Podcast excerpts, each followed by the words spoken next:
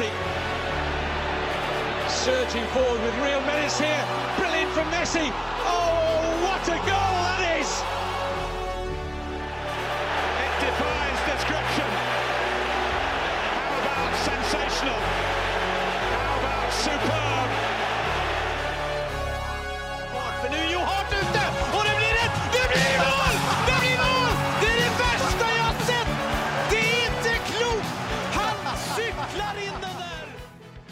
Ja da, hei hei, skip ohoi og velkommen til episode 179 av den eh, fantastiske fotballpodcasten 90 minutter. Med meg i studio er jeg som vanlig Mats Granvoll. God dag, god kveld, hei. og, og mister Søren Dupke. Hallo, hallo. Har du fått tøddel over én siden han begynte her? Ja, ja, ja, Dupke. Det er fint, det er fint. Eh, Ja, Mats, eh, siden sist, åssen går det? Eh, Det går veldig bra. Nå har jeg fått, uh, fått ny stilling på jobben, så beveger meg uh, oppover i hierarkiet. Uh, gratulerer. er, takk for det. Det er spennende, det. Så det blir et Så jeg, jeg, jeg gir meg den podkasten her om 30 minutter, tenker jeg. Da drar jeg hjem. Da gidder jeg ikke mer. Så da har jeg blitt såpass stor. Han har blitt så høy på det allerede, altså. Ja, ser sånn ut, altså. Men i alle dager, åssen jobb er dette? Eh, Det er fotballuka. Det, det, det blir jo som å gå fra Real Madrid til Celta Vigo. Og det er, og er, og det er såpass, ja! ja! Nei, da må jeg bli her litt til, ja. Det er sant. Det, går- det, går, det er ikke fint. Nei da, de, de, de, eh, de har fine studioer og selv egen lydtekniker, tror jeg, og litt sånne ting også. Jeg har jo vært nedom der. Men eh, jeg mener Nei, det, det, det, er, ikke i stil eh, de, de, de er jo dyktige, de er flinke. Jeg, jeg hører ofte på dem, jeg, altså. Mm. Er ikke, er ikke vi kanskje litt mer Union Berlin? Vi er litt mer Union Berlin. Ja. Jo, så er de litt mer eh, Litt mer Hertha Berlin. Valen Valencia. Med Peter Lim og hele pakka. Det det. Nei, vi skal ikke snakke for mye om andre. Vi snakker om oss selv og Søren Dupker. Åssen åssen har du det? Ja, det er veldig, veldig fint. Eh, litt lei snø nå, må jeg innrømme, men eh, ellers veldig bra. Ja, litt lei snø. Jeg så du hadde sendt noen bilder på Ja, den uh, bilen som jeg bruker for å komme hit, den måtte jo skuffes fram i, i dag. Det tok en drøy time før den var, kunne kjøres ut av parkeringsplassen. Ja. Ja, jeg så dette her. Det var kaldt. Det så kaldt ut. Men, men jeg er jo mest sjokkert over at liksom Dupker lar det skje. Ja, at han ikke er der når snøen faller, ja. Ja, ja, At han liksom på en måte At dette ikke er liksom Norm.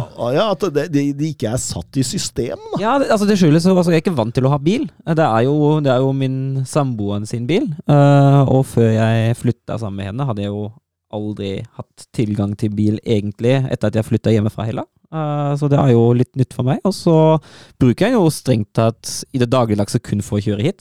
Men, men da må du jo, du, du som en eh, ekte Søren Dupker, sikkerhetsanalysere og risikovurdere eh, Ja, det- alle, alle mulige scenarioer i forhold til det å ha bil. Ja, det, det blir jo noe erfaringsbasert. Det blir jo Ja, det, er det ingen som helst tvil om, men, eh, men det, er, det er hyggelig at du kom deg hit, i hvert fall. Ja, den måtte jo, måtte jo feie av en ny runde snø etter at jeg hadde skuffet den fram. Rakk å falle nok de, i de fire timer som lå imellom der. Så, ja. Nei, jeg, snø, det, nå er det nok veldig fint med hvit hjul, men trenger ikke mer nå. Du veit det, er- du flytta til Norge, eller? Er fullt klar over det. Ja, ja. Det, det er liksom, du, du, du flytter ikke til Sahara hvis du uh, er lei sand. Nei, det kan sies noe, men altså, vinter er faktisk ikke mitt, uh, mitt, min favorittårstid, altså. Nei, det, det skal jeg si meg enig i, faktisk. Istemmes. Ja. Åssen går det med deg, ja? Har du sovet med rumpa bar, eller? Et eller annet har skjedd, i hvert fall, for jeg har pådratt meg noe voldsomme greier. Jeg tror jeg, jeg Tre-fire dager der, jeg har ligget som en amøba. Altså, jeg har vært så dårlig. Jeg aner ikke hva det var, men det, det, det traff meg som en hest, ass. Bare lamma meg fullstendig. Så jeg prøvde jo, da, alt jeg kunne, å få dette her utsatt. Eh, så til alle lyttere der ute, jeg har prøvd. Og hvis det kommer noe host, noe hark eller en gutt i stemmeskiftet her, så er det fordi at jeg, jeg måtte utpå for det. Ja. Det er litt tidlig. Men du tar en for laget. Ja, jeg gjør jo det. Så får jeg heller by på noen host og hark hvis det Ja. skjer. Altså. så, har jeg med meg godt med drikke her, så. Ja. Mm. Men eh, Ja, det, det, er, det er ikke alt jeg har vært like godt forberedt på denne gangen. For jeg, jeg, jeg, jeg lå ja, fram til åtte-ni i går kveld, altså. Da begynte jeg liksom å Ok, nå, nå er det på bedringens vei. Kjipt at det begynte i helga, da. Ja, det, det begynte jo egentlig før. Det begynte på torsdag. Ja, Men det ble verst i helga, når du også egentlig har fri, liksom. Ja, ja. Det er dårlig timing. ja. Fredag og lørdag var de, de to desidert verste. Nei, så det har ikke vært noe hyggelig. Flaks at ikke det var VM, da. Rett i VM-finalen, da. Eh, og, og den skal vi jo bruke tid på å snakke om også. Da får vi se da, vet du, hvor mye jeg husker han. Eh, Men eh, vi har i hvert fall lagt opp løpet sånn at vi skal jo analysere og, og plukke VM-finalen litt fra hverandre. Eh, og, og både under, mellom, før og etter så skal vi svare en del Twitter-spørsmål, både om VM og om andre saker. Mm. Så får det være programmet i dag. Er vi ikke enige? Ja. Eh, og da, da, da kan vi jo rett og slett begynne rett på et spørsmål fra Steffen Hansen. Endrik-dealen, galskap eller genialitet? Ja, Det gjenstår jo å se, men hvis vi skal eh, skyte litt fra hofta, så vil jeg påstå at det kan være ganske genialt. jeg. Real Madrid har vist at de kan håndtere unge brasilianere før dem. eh, Eller forvalte, heter det vel kanskje. Eh, Rodrigo har vel kanskje ikke slått helt gjennom ennå, men potensialet er jo der, så Reinier har han slått gjennom? Eh, Ikke Dortmund ennå, så vidt jeg vet. Nei, der har de kanskje bomma, men det var jo også en spiller de ikke var i nærheten av å betale like mye for som, eh, som Henrik. Mm. Nei, altså, og alt tilsier jo at dette er et, er et fantastisk talent. Uh, alt tilsier at dette, har, at dette er en spiller som har alle forutsetninger for å lykkes på det aller, aller høyeste nivå. Uh, og når du er inne på det, Mats, eh, med at de forvalter unge spillere godt, de, de gir dem også mer tid. De er mer tålmodige nå med unge spillere. I hvert fall de som de anser for å være ganske talentfulle, type Vinicius. Han han har vært lenge. Uh, Valverde og Valverde er et godt Ja, eksempel der. Altså, Vinicius har vært lenge på laget uten egentlig å prestere stort, Mm. men uh, har aldri mista troen på ham og blir belønna til slutt. 35 millioner euro up front, 25 millioner euro add-on og 12 millioner euro i skatter og avgifter, til sammen 72 millioner euro. Det er jo, det er, det er jo en, en voksen spiller de kjøper her, da, i forhold til på en måte hva de får. Han kommer jo ikke til Madrid før i, i, i sommeren 2024 engang. Det er jo mye som kan skje på denne tida. Ja, de tar, det, er, jo selvfølgelig en kjemperisiko å kjøpe unge spillere generelt, men når du i tillegg splatter så mye penger, da, eh, så, så tar du jo en kjemperisiko. Eh, talentet tror jeg vi alle kan være enige om at er der, og at det, det kan bli bra hvis det forvaltes riktig. Og så, så er det dette med skader, og alt dette kan komme i veien. altså. Men det kan det på en etablert spiller òg, så Jo, men nå- skal, det er som Thomas sier, ett og et halvt år skal han mm.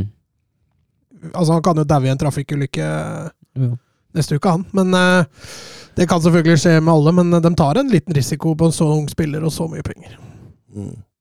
Ja, ja, helt klart. Helt klart. Men de har treffet med Venitius. De traff delvis med Rodrigo. Vi venter jo fortsatt på det siste lille, men, men han har jo gjort unna for seg, han i Champions League blant annet, som har gjort at de sikkert har tjent inn han allerede. Eh, og jeg tror liksom det kan handle litt om eh, at den Mbappe-dealen virker litt langt unna. De fikk ikke tak i Haaland. Eh, Benzema begynner å trekke på alder, og, og, og, og så blir det hele veldig logisk, da. Og, og Endrik Altså, potensialet hans er jo Det er jo like stort som på en måte eh, Neymar, Ronaldinho. Mm. Og hvis man får en Neymar og Ronaldinho, så er ikke 72 millioner euro mye. Nei, altså, altså er det jo en klar konsekvens av at eh, klubbene speider tidligere og tidligere. Uh, og er bedre og bedre på å ha sånne spillere på skjermen. Så det er jo en spiller som alle storklubber vet om. Og det er klart, da må man uh, bla opp mer og mer for de aller, aller største talentene. Men, men selv om han kommer i sommer 2024, så Altså Det jeg har satt av Endrik, liksom, han er jo fortsatt ganske uferdig. Det er, det er jo en sånn sirkusspiller, en sånn eh, type spiller som liksom gjør mye uforutsett. Han er veldig sånn uforutsigbar i spillestilen, har veldig mye finesser, veldig mye Underholdning. Ja, det er mye underholdning i det. Spiller på små marginer. Eh, når han kommer i, i sommer 2024 jeg, jeg, kan, jeg kan ikke se han går rett inn heller. Altså, dette er en tilvenningsperiode i altså, så, så, så, så dette er en nier jeg tenker ikke spiller på Real Madrid før i hvert fall sånn fast 25-26-sesongen, kanskje. Hvis alt går etter planen. Og så får, vi, så får vi se om det gjør det. Men, men, men, men det, er jo, det er utrolig spennende.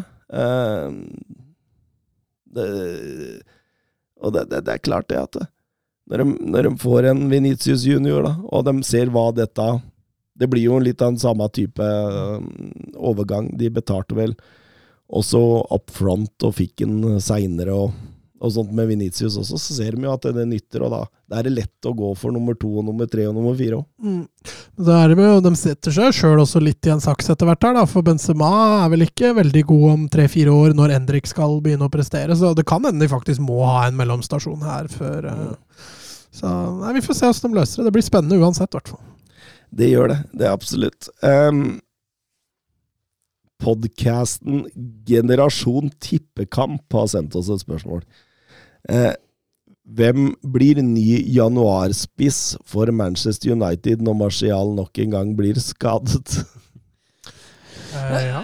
Ja, det er, det, er jo, det er jo det med spisse i januar. Det er jo så utrolig vanskelig. Det markedet er jo ganske trangt. Um, Manchester United må jo egentlig gå for en stor løsning på spissplassen nå. Uh, ja, De føler jeg bør splette, faktisk. Ja. Allerede i januar. uh, og da er det jo spørs hvem kan man få. Hvilke spillere får man ut av kontrakt i januar? Uh, det blir dyrt, blir det uansett. Uh, Altså, jeg hadde jo, hvis jeg var United, hadde jeg jo prøvd å satse alt på Vlavic. Men det er spørs om Juventus er villig til Ja, å jeg tror ikke det. Jeg tror ikke de penga har ikke United, altså. Nei, altså, er litt sånn Altså, Oshimen nå er jo, en, er jo en glimrende spiss for United, tror jeg. Eh, kanskje litt bedre i boks, men eh, Vanskelig å si altså i forhold til hva han hadde i Ajax. altså Brobby er jo ikke gammel nok og ikke vært bra nok ennå. Eh, Haller hadde han jo stor suksess med. Han er jo ikke mulig å få, få oppdrive, så Må vel kanskje til Ligue Ø, da, så hente noe Jonathan David eller, eller noe Altså, altså de som nevner Sypix da, eh, i, i ryktebørsen, eh, kan dra gjennom den lista, og så kan man jo kommentere navn for navn. Eh, Memphis Depay. Jo, ja, Det er, det er i hvert fall mulig å hente det, ut. det er mulig å hente, men jeg altså jeg, Ja, nei, altså det, det Da er vi igjen. Altså, det er jo han, han hadde jo suksess, han sist han var på Men da, da, tenk, altså da, da tenker jeg at da snakker vi igjen en løsning som ikke er tilfredsstillende. Da må man ha en ny en inn nå. Eh, Det, det, er, det er i så fall en mellomstasjon. Mm. Ja, det blir jo, blir jo for å se han sommervinduet i så fall. Da, da det vil enkle, bli enklere å hente, sånn som Vlaovic og Shemen. Men um, Gonzalo Ramos Det Ja, det også er jo, men det er jo permanent igjen, da. Det er jo ikke noe vente, vente, ventespiller, det. blir dyr. Blir dyr. Det gjør det. Yusufa Mokoko.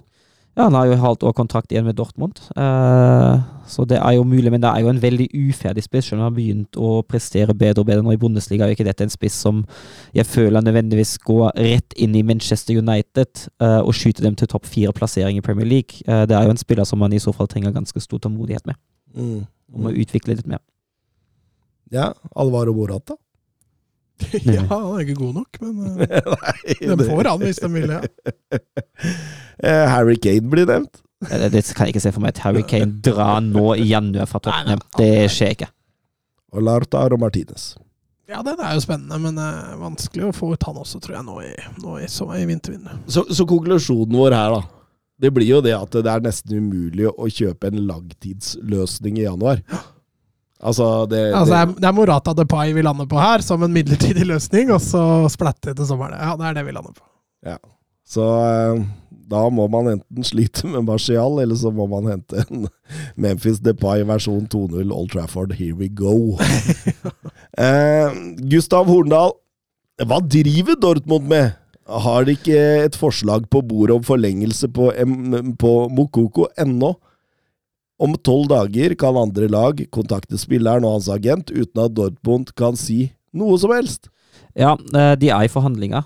Eh, Siste jeg leste nå, eh, var at det er ikke De, de, de forhandler fortsatt, det er ikke noe avklart ennå. Han sjøl, Mokoko, kan veldig godt se for seg å bli Dortmund.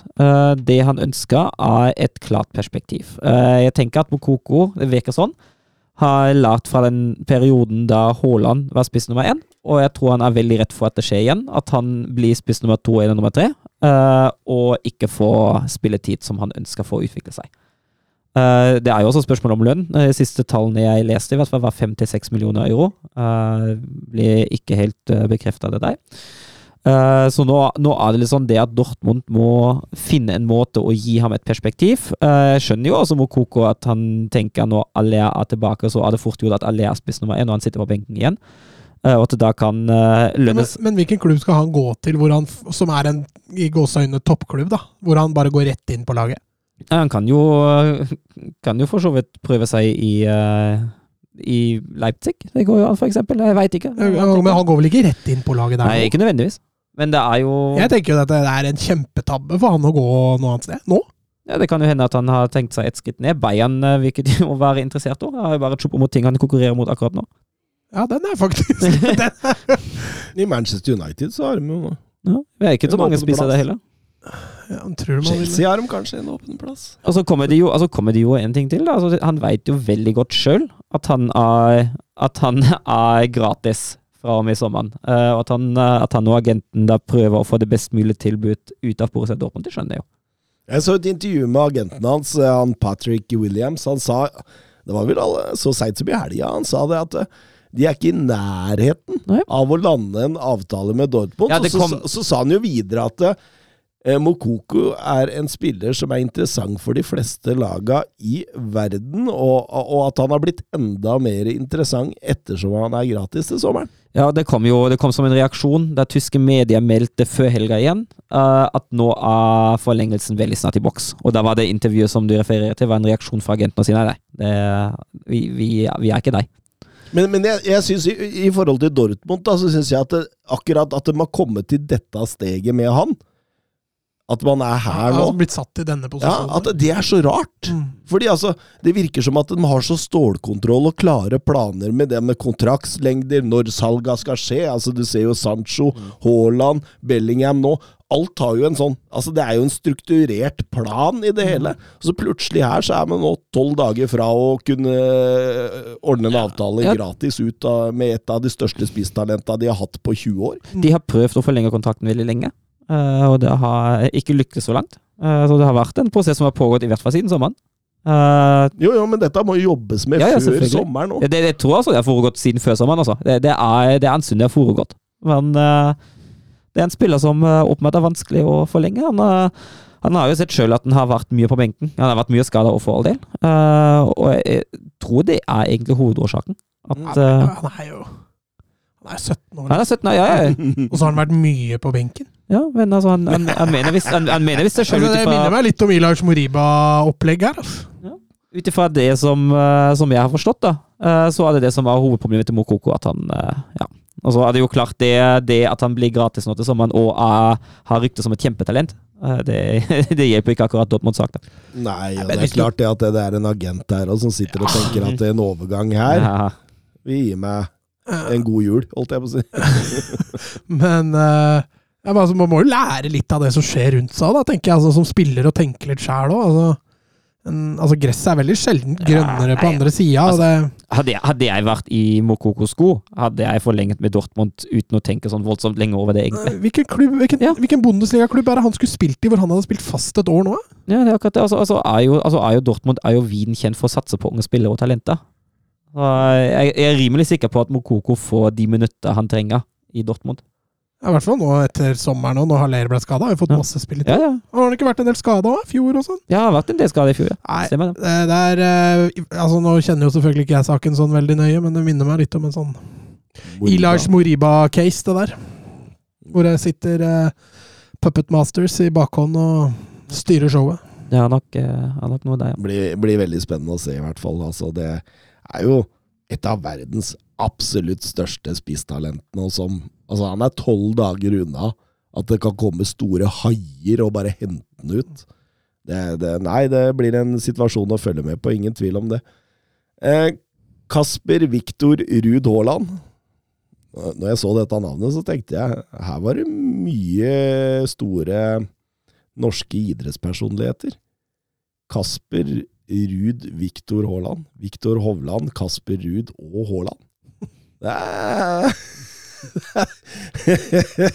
Jeg bare Wow! Det Han er i hvert fall interessert i Bundesliga og spør Manuel Neuer er ute med brekt bein etter et skiulykke. Er dette nok til at det kan bli spenning i Bundesliga? Eh, Det i seg sjøl ikke. Uh, Kjipt selvfølgelig for Bayern. Uh, han er ute resten av sesongen. Uh, Bayern jobber nå intenst med å få Nubel tilbake fra Monaco. Hvis ikke det går, eh, ser de seg om etter nye keepere. De har jo sett seg om, de har ikke kontakta andre ennå.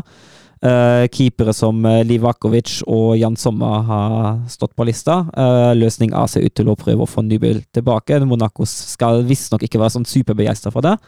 Men det er mulig at de kommer til enighet. Det som kan bli et problem til Bayern, er jo at det VM-et har vært ekstremt lite optimalt for Bayern, egentlig med tanke på alt. Sadio Mané ble skada, storskada rett før VM. Det er ikke helt klart når han kommer tilbake. Han kommer tilbake denne sesongen, anslår man, men ikke nå. Lucas Hernandez skada første kamp i VM, ut resten av sesongen. Ja, den var litt hårreisende.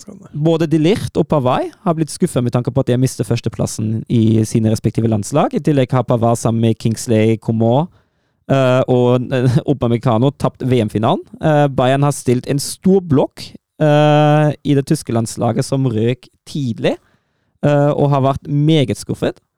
Så det, det, det, kan bli, det kan bli noen uheldige konsekvenser for Bayern eh, med tanke på mentalitet, med tanke på skader som har oppstått, eh, og alt det der. Jeg er nå litt spent på hvordan det blir. Mm, mm, det er et godt poeng, faktisk. Men jeg tror, med tanke på spenning, jeg tror jo Bayern mer eller mindre cruiser inn til et nytt seriegull. Jeg tror jo det. Men eh, avstanden, avstanden ned er, altså, i kvalitet, da, Men, men, er så men stor. Tyske spillere de har ikke sånne kontrakter som engelske at det ikke er lov å stå på ski under sesong og sånne ting. Visstnok ikke. Jeg bare, jeg bare tenker meg liksom trynet til Oliver Kahn Ja, det når, når, når, når Noyer Ringer. Du, Oliver. Jeg var på Nå skal du høre. Nå skal du høre. Den er, den er tung. det- Jeg hadde ikke vært fornøyd hvis jeg var Bayern-sjef der, altså. Nei. Men uh, Nibel, ja. Nei, det, det, det er ikke noe noier, men, uh, men uh, har jo for så vidt gjort det bedre og bedre i Monaco, tror jeg. Ja, og så er det jo Det er en ung, ung keeper som fortsatt har ikke nådd sitt fulle potensial. Og, altså, ja, det er en liten kvalitetsforskjell der, men altså, det Bayern-laget skal være såpass godt at det skal i, I løpet av et, et halvår skal ikke det gi, være utslagsgivende om de vinner gull eller ikke. Mm. Det er ikke så jevnt kvalitetsmessig toppen i Bundesliga. Da. Spennende, spennende. Eh, vår kjære Jørgen Knutsen har også et spørsmål. Eh, Kicker har kåret Eintracht Frankfurt til årets lag i Tyskland i 2022. Overrasket, fortjent synspunkter. Og han la med en lite bilde, en liten liste Ja. der over de ti, og jeg, jeg flira. Altså, jeg, min tysk er noe rusten, men hva er fire ganger 100 meter staffel Leichtathletik Frauen? Eh, det, er, det er stafettlaget på 100-meteren eh, til kvinnene. Ja, ok. De, de var på andreplass, da. Ja. Og så, og så kom eh, det jeg forsto var fotballandslaget for kvinner på en tredjeplass, stemmer. og deretter Bob Team Friedrich. så, så konkurransen kan jo ikke ha vært så voldsom, tenker jeg nå. Bob Team Friedrich Ja, er det er oppe jo på det er, det, er nok en, et et boblag, ja. Men altså, jeg, jeg tenker jo Uh, jeg, altså det, er, det, er ikke, det er ikke bare Kikka, det er de tyske sportsjournalistene som har kåret. Um, men min, jeg hadde jo ønsket at det ble kvinnelandslaget, eh, som har spilt et fantastisk mesterskap, men det har klart det hjelper å vinne ting. Eintracht Frankfurt har vunnet uh, Europaligaen som eh, første tyske lag siden 1997, uh, da det fortsatt het Uefa Cup.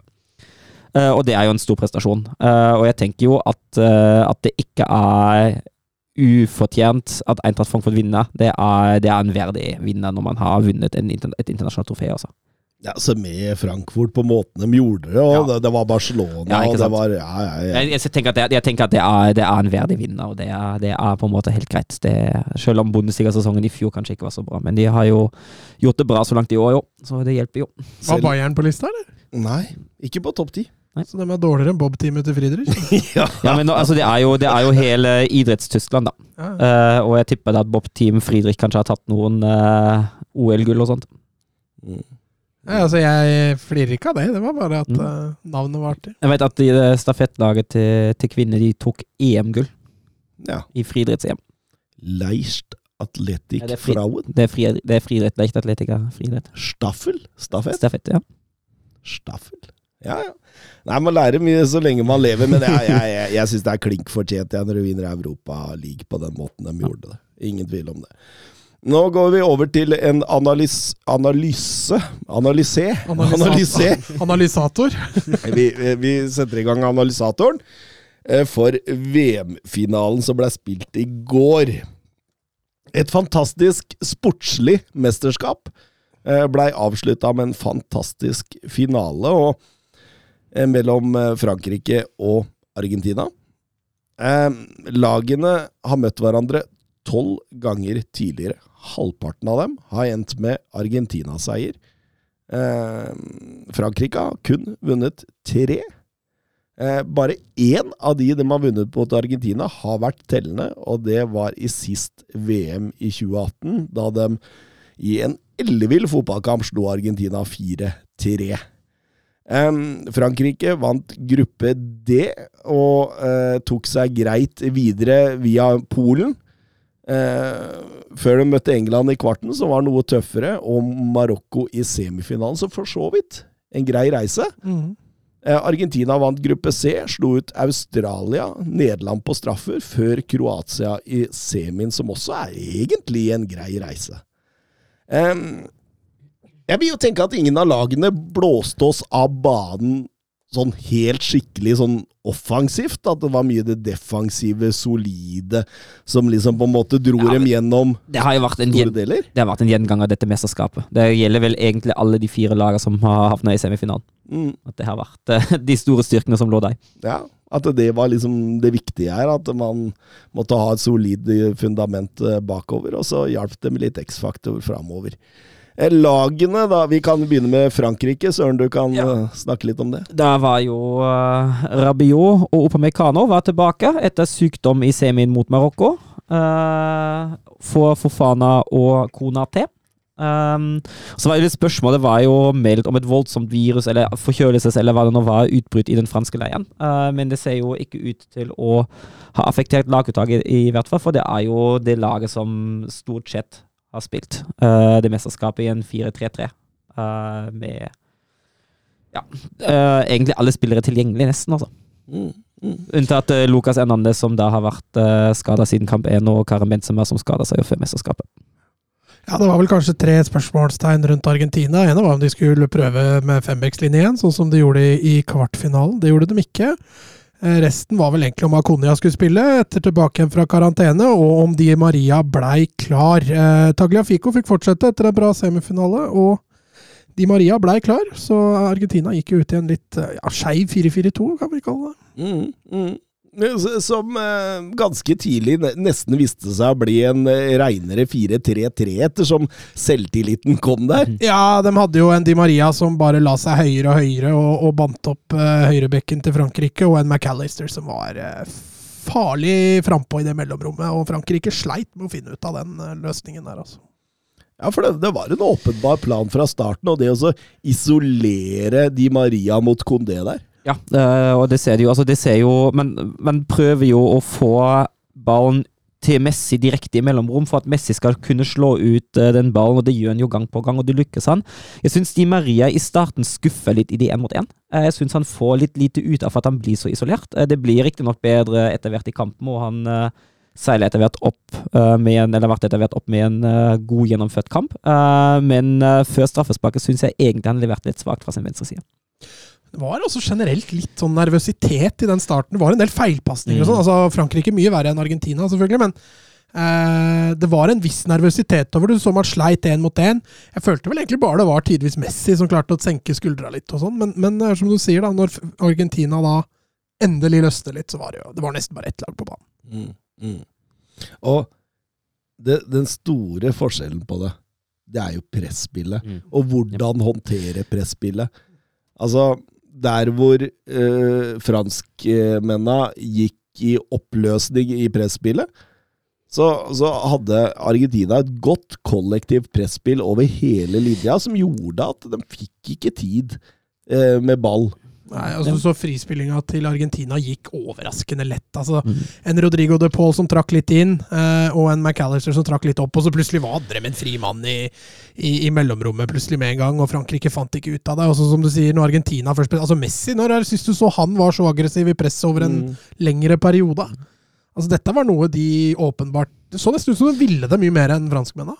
Og innsats og vilje. Et problem i presset til Frankrike var jo Griezmann. Uh, han dykka veldig ofte opp mot Giro, Uh, og forlot sin plass som egentlig indreløper.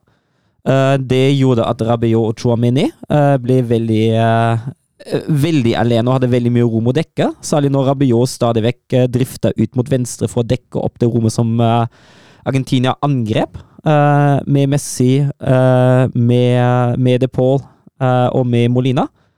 Og da ble mellomrommet åpent. Eh, det var skremmende å se eh, hvor langt unna Frankrike var i presset på ballføra i eget mellomrom.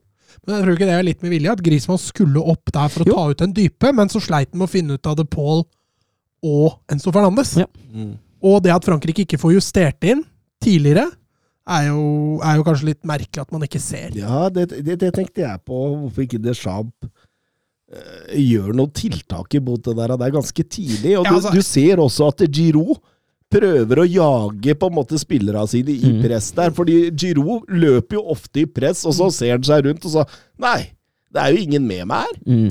Jeg, altså, jeg, jeg tror jo tanken var å skape, å skape også én mot én mot den argentinske frispillingen, for han sto på en måte fire mot fire og fikk dekka opp eh, alle de. Uh, men det hjelper ikke. Altså, både Mbappe og Dembélé jobbet ikke godt nok i press. Grismann uh, hadde lang vei opp og kom ofte for seint og var egentlig bare ute av posisjon. Mm.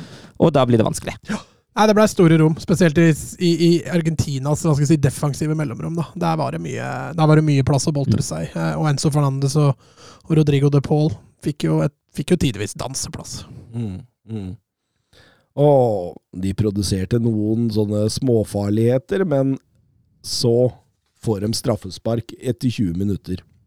Nok en gang vender ut på Di Maria, drar Dembélé lett av og fosser forbi, og Dembélé er så vidt borti hæla på når han går i bakken på vei inn i boks der. Eh, Ole Haaland på Twitter spør eh, er ikke straffesparket Di Maria får av det billige slaget. Jo, det syns jeg det er. Det er det, han får akkurat det han er ute etter. Ja, altså, jeg også blei litt overraska, fordi jeg syns det var en mer sånn play on-situasjon, og eh, ingen tvil om hva Di Maria ønsker, og i de situasjonene hvor man ser tydelig hva angriperen ønsker, så er det veldig ofte at det blir play on.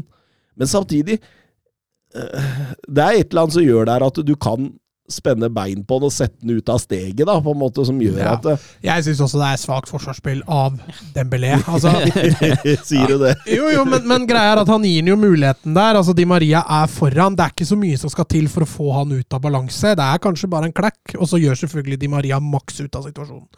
Uh, ja, det er muligens litt billig, men, men jeg syns det er greit. Ja. Jeg reagerte ikke noe voldsomt på den. Lionel Messi går, Lionel Messi går fram. Ja, etter den straffebommen så har han jo vært tidenes kuleste fyr fra straffemerket etterpå, så han, eh, han lærte litt fra den bommen mot uh, Saudi-Arabia. ikke det? Polen. Polen? var det, ja, Stemmer. Sender Joris den ene veien og bare Ja, den var iskald. full av is. Full av is. Og, og, og da Nå må Frankrike altså Nå, nå blinker det noe blå lys her. Nå må de gjøre noe. Ehm, men, men de venter med det. Ja, det kommer ikke noen reaksjon. Det kommer ikke noen reaksjon fra benken, det kommer ikke noen reaksjon fra banen. Det justeres jo ikke noe i spillet heller. Men jeg syns også Argentina i, i etablert forsvar er gode. Altså, de har aggressiviteten der også. Det er ikke mu altså, de, de har gode avstander mellom forsvarsleddet og midtbaneleddet. Innad i leddet så er det bra. Altså, Messi gjør returløp. Alvarez legger jo ned en vanvittig jobb, altså, både i det lave og det høye presset. Og, det er klart Frankrike hadde en svak dag, altså, men, men det er ikke lett å skape noe når Argentina ligger som de gjør. Da blir det 2-0 med Angel Di Maria. Ja, Det var jo en kontra, det var litt det jeg skulle fram til. da Når de først får kontringsmuligheten der, så er det jo oppspill på Messi som, som slipper den videre på er Alec, uh, McAllister. Som, Nei, det er, det er Nei, det Paul, var det.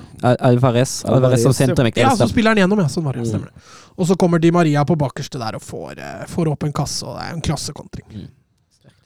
Det er, det er liksom fotballens ABC i forhold til kontringer. Jeg husker, jeg minte meg litt om Real Madrids storhet under Mourinho på de kontringene. der. For det er jo to gjenlegg der. Mm. Først med McAllister, og så med, med flikken til Messi ut på eh, Alvarez, som eh, sender videre til McAllister igjen, som drar den over til, eh, til Maria. Maria.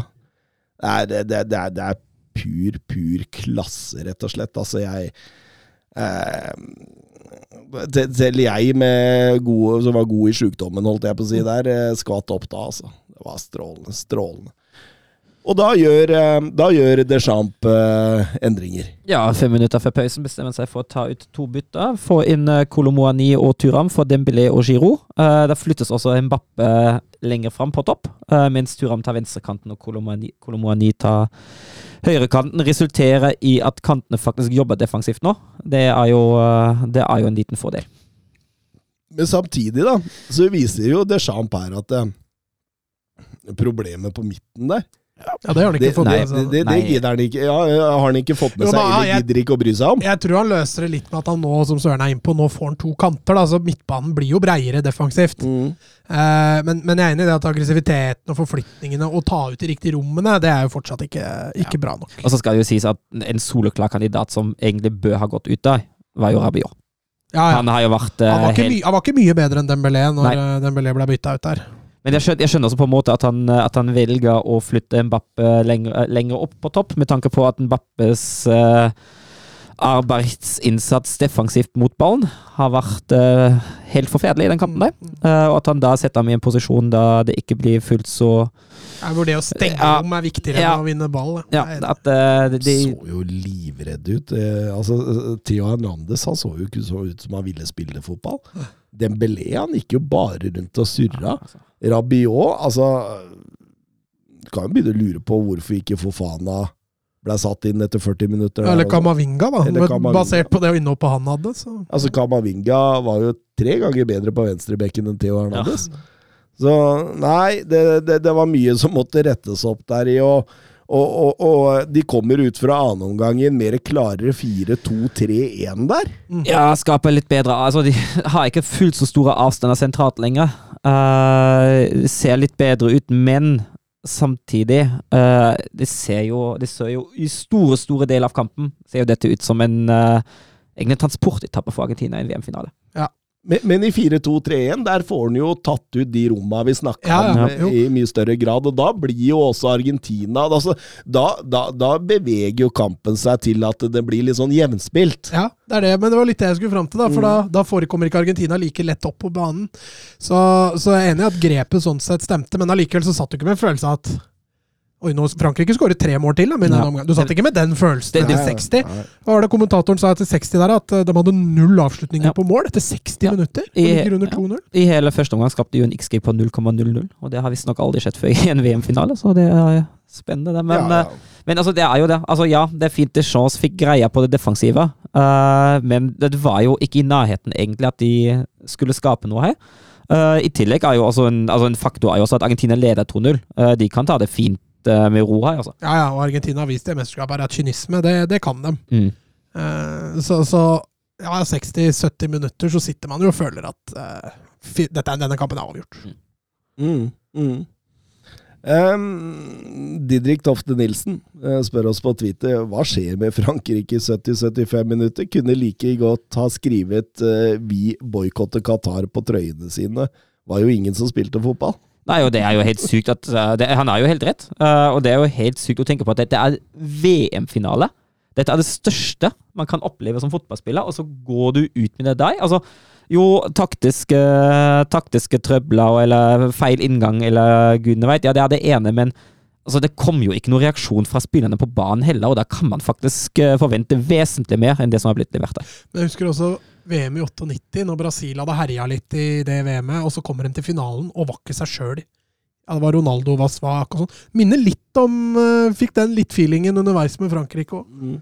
at de, de var så langt unna sitt beste nivå. da. Argentina de tar ut eh, Di Maria, får inn på Aconia og går over til en sånn reinere 4-4-2. Eh, Frankrike svarer med å sette inn Kingsley Coman og Kamavinga for Grismann og Theo Hernandez, og, og går over i en sånn altså 4-2-4. Det var jo det det var. 4-2-4, ja. Da måtte, måtte jo gjøre noe offensivt, i hvert fall. Ja, og så brukte de med Kamavinga, som hadde en utgangsposisjon på venstrebekk, men han skulle få lov å ha en litt sånn fri rolle på å kunne bli med oppover, og, og, og det, det blei jo satsa litt der en periode fra Deschamps. Og så får de jo, altså et straffespark litt ut av det blå, egentlig. Ja, det er fryktelig av uh, Otamendi har vel en uh, ball av Mbappe som Otamendi må ha god kontroll på. Kan bare heade den ut til innkast, egentlig, og så er situasjonen avklart, men uh, velger å la han sprette, og så spretter han til Kolomani, som har et godt rykk, og drar fra Otamendi, og så går han i bakken, og det blir straffe. Mm. Ja, det er en veldig svak involvering og vurdering av uh, Otamendi. Og Kylian Mbappe, han banker ballen i mål for straffemerket. Ja, Martinez er vel borte i den, uh, men uh, han får ikke helt styrt den ut. Han har kraft, og da blir det 2-1, og da blir det faktisk spenning. Ja, for nå skifter jo litt karakter, egentlig. Nå begynner plutselig Frankrike å bli veldig gjennombruddshissige. Ja, absolutt. Det, altså, jeg tenkte jo når 2-1 kom der, at dette er gratis boost. Ja, nå, nå kan alt skje. Og så tar det jo ikke lange tida før det sitter 2-2. Det tar vel ett minutt, men det er jo, det er jo et mønsterangrep til deg. Det er jo, det er jo høy, høy klasse. Uh, Her ser du også, nå, nå, har Frankrike flere trusler inn bak mm. Argentina i tillegg, og det er klart. Uh, Otamendi så svimmel ut, det har han gjort nesten hele VM, faktisk. Så, men han, de får trua det rommet rundt han da. Nå har de gjort det to ganger, og det lønte seg begge gangene. Mm. Mm. Nydelig ball på Mbappe der, som header tilbake til Kolomani får han tilbake igjen. Oh, og, og um, Det første tanken min var likevel Burde Martine Staten? Uh, kunne, tenker jeg. Jeg vil ikke, vil ikke, si, vil ikke nødvendigvis si burde, men det er, jo en, eh, det er jo kanskje en ball man kan få lov til å redde. Den var ikke uttakbar, mener jeg. Det er i hvert fall ikke noe tabbe.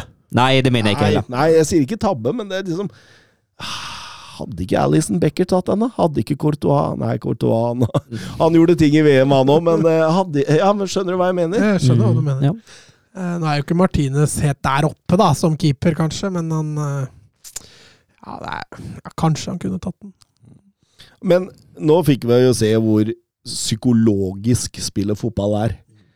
Ikke sant? Her, her hadde Argentina. Argentina alt i sin hule hånd i 80 minutter og så er det bare smell, smell, og så er det en helt åpen fotballkamp igjen. Det er faktisk en studie på det. At uh, den, den, største sjansen til å skåre et mål nummer to, er det akkurat i de første fem minuttene etter å ha skåret mål nummer én. Mm. Sånn rent statistisk. Ja, og, og, og, en Mbappe som har vært usynlig i 80 minutter, ja, er plutselig her igjen. Mm. Mm. Uh, fullstendig. og og det, det virka nesten som at Argentina ble litt satt ut og litt sjokkert, og, og Frankrike tenkte her har vi en bonusjakse, her mm. får vi en gratissjanse. Og, og kjørte på, men det, det blei 2-2 og ekstraomganger, og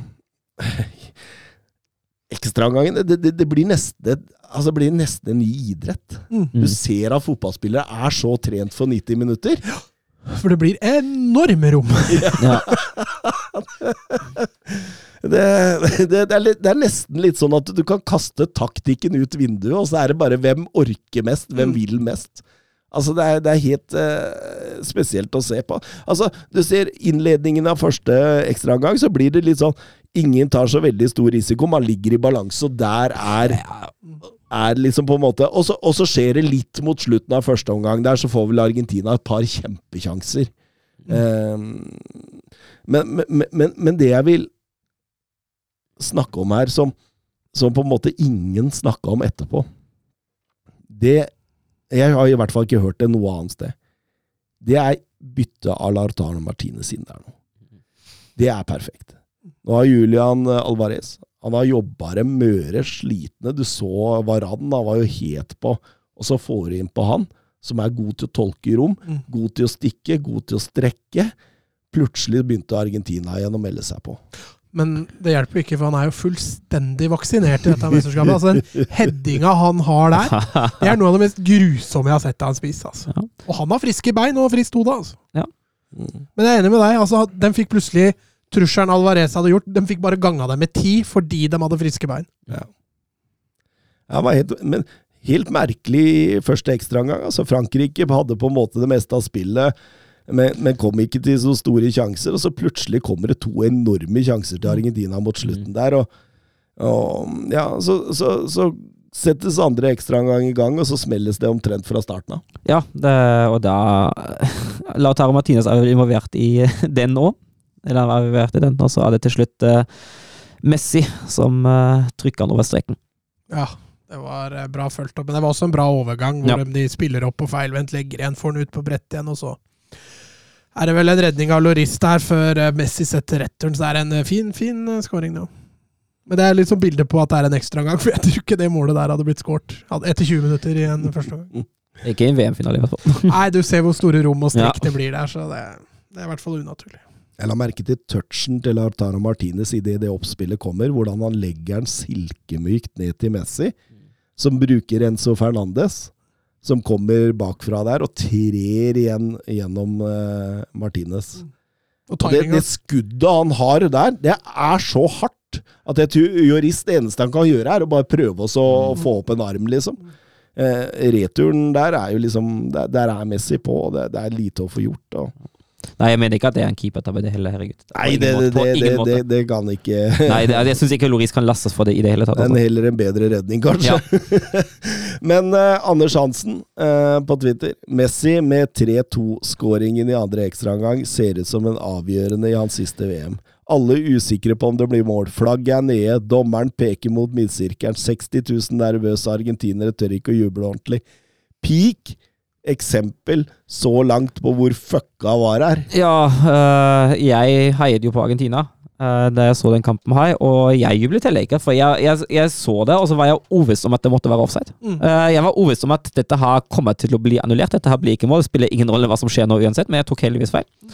Uh, så ja, det er jo fryktelig trist, og man, man taper så mye med VAR. Man taper sånne situasjoner med VAR, og man får så lite igjen for det, altså det, det har ikke hatt den effekten som han har ønsket seg da VAR kom. Også.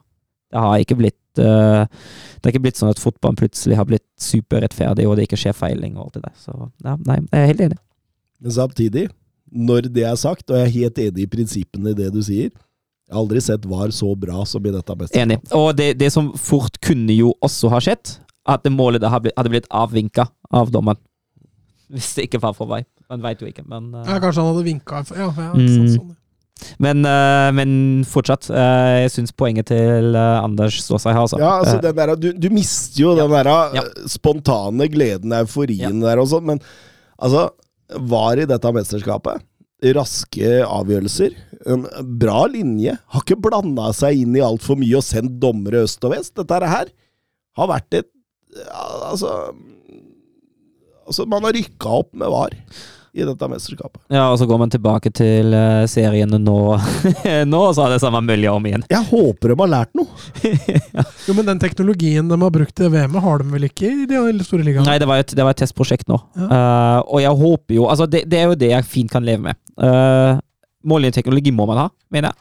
Uh, og så kan jeg fint leve med eh, automatisk eller halvautomatisk offside-teknologi som gir deg svar på fem til åtte sekunder. For dette er så svart-hvitt. Offside er svart-hvitt, enten offside eller ikke.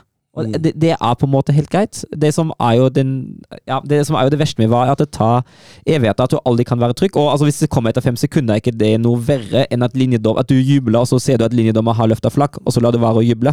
Uh, det, det føler jeg er litt sånn i samme gate. Eh, men ja, nei. Det- utover det, ja. Utover det så er det Men vi trodde jo da at eh, Ok, dette skal de ro i land. Jeg trodde man, ja. Men det skjedde ikke.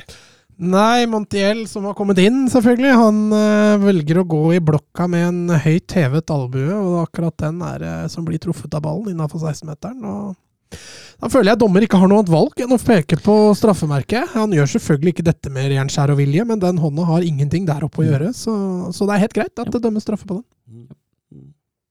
Ja, ballen var jo på vei mot mål. Ja, ja, ja, men om ballen hadde vært på vei rett utafor, og jeg mener det Det er en straffbar hens, det der. Mm.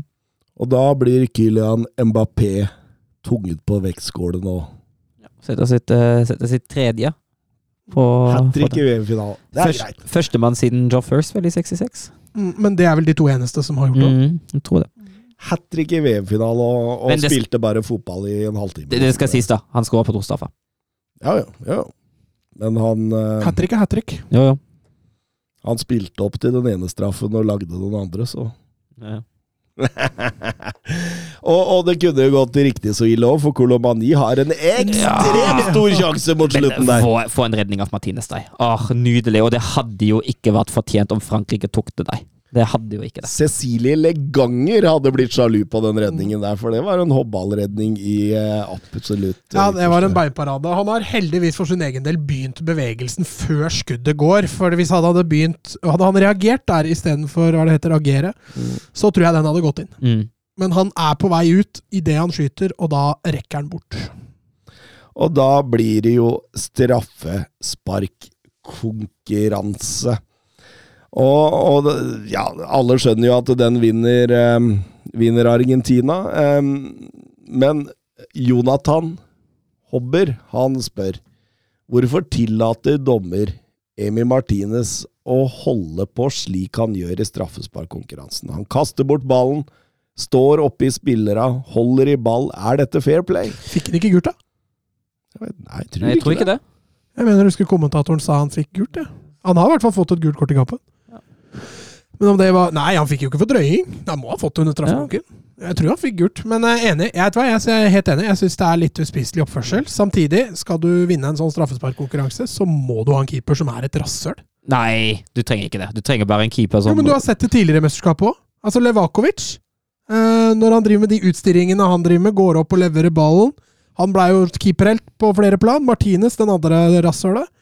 Eh, jeg hyller det ikke, men den keeperen som greier å komme inn i skallen på skytteren, han vinner jo. Nei, jeg, jeg føler ikke at det er nødvendigvis. Altså, jo, det er jo en del av ut- utpsykingsspillet, men du kan fint Chouameni tror jeg hadde skåret, hvis ikke det var Martinez. Det blir jo hypotetisk. Men, Ja, men, eh, men du ser han er Du ser han når Martine skyter bort ballen der og jo, jo, føler men, seg som en tulling. Du ser han blir påvirka. Han begynner å smile når han må gå hen til ballen. Er, du ser han er påvirka. jo, jo, men eh, jeg, jeg, jeg er helt enig med Hobbe at jeg syns det er fryktelig sportslig. Eh, jeg mener at du fint kan oppføre deg sportslig og gjøre de triksa som keeper som du kan. Danse litt på streken, gjerne stirre litt og sånne ting, da, men det der går på en måte over streken, det som Martine gjorde. Vi så det jo også på Nederland-Argentina. Da er vel nederlenderne bort i hver eneste argentinsk spiller som skal ta straffe Mm. og prøve å påvirke. Jeg syns også det går for langt. Ja, ja. Det, er, det er fryktelig unødvendig, det der. Slutt med det. Mm. Men, men, men samtidig, da, det at Martinez greier å ødelegge rutinen til spilleren, det er jo det som Ja, men- psyker dem ut først. og fremst. Ja, men- ikke det at han står og hopper og danser Ja, men på streken. det, det føler jeg går for langt. Da. Det, det er ikke, jo, det, men jeg er helt enig i prinsippet ditt. Jeg syns ikke det her var noe artig heller, på en måte. Men Argentina får jo en fordel ved at han holder på sånn. Jo, vi gjør jo det. Men uh, bedre å vinne fair and square. For jeg tror Argentina hadde vunnet fair and square. Kanskje.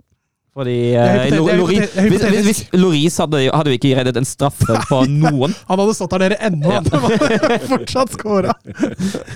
Han har aldri vært en eh, strålende straffe... eh, Nei. Men hvorfor bytta han ikke, da? Hadde han ikke flere bytter? Han hadde ikke flere bytter, nei. Ah, ok, ok. Eh, Jørn Henland, eh, apropos Joris. Eh, hvem av Joris og Martinez ville Søren og Mats hatt på, som keeper på sine lag, tatt i betraktning av keeperspill og hvordan de oppfører seg i ulike situasjoner på banen? Martinez. Det hadde, ja, jeg syns, den er fryktelig jevn, jeg. uh, jeg syns, uh, syns Loris hadde høyere toppnivået. Jeg syns Martinez er kanskje hakket mer stabil uh, på det nivået han er på. Eh, så jeg syns den har nesten 50-50. Hvis, jeg hvis han skal stå men for Wolfsburg, hvis du skulle hente en av de til Wolfsburg hvis jeg hadde henta en av de to til Wolfsburg, hadde jeg henta Martinez av alderen. Han er sju år yngre enn Loris. Men jeg ja, Martinez er bedre med beina. Altså Skal Mm. spille i Barcelona, må ha litt ferdighet. Men eh, jeg syns, jeg syns det er to ganske jevne keepere når det kommer til kvalitet. Også. det er liksom to keepere som ligger under, rett under de aller, aller beste. Enig. Og I samme liksom, kategori der. Ja, De har jo hver sine styrker og svakheter, Mm. sånn sett, det er ingen tvil om. Men uh, jeg er enig med Søren. Alder spiller selvfølgelig inn, og da, da er Martinez uh, mer attraktiv.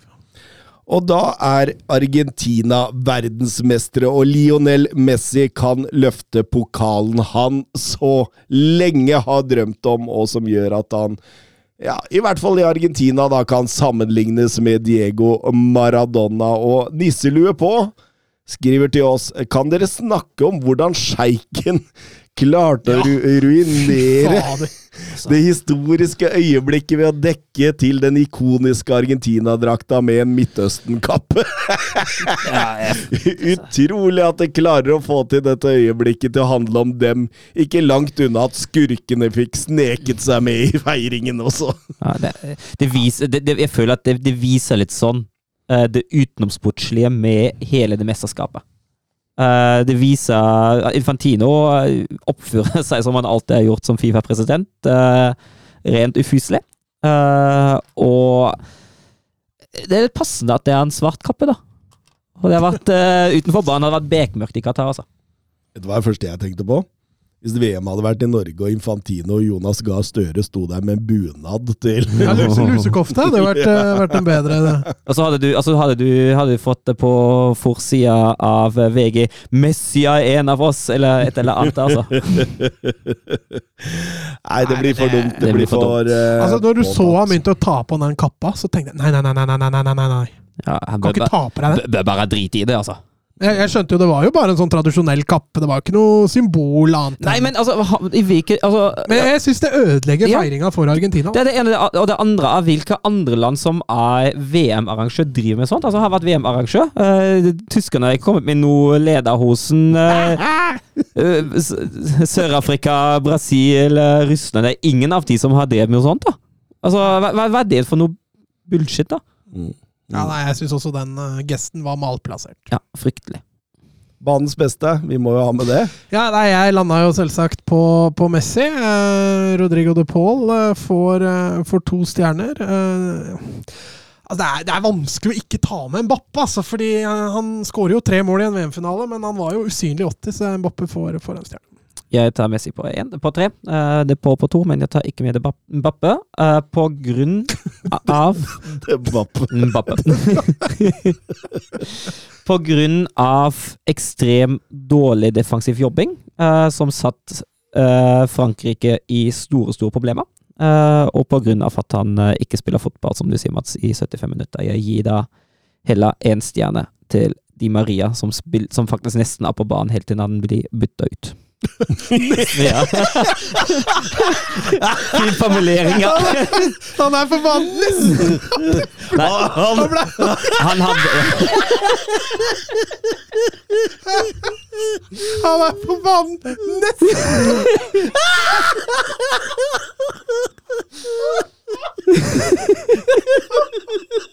Så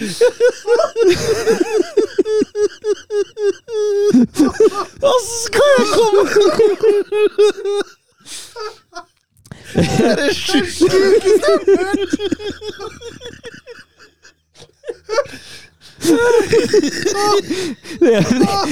Det jeg mener at han hadde en, han hadde en, han hadde en slow start.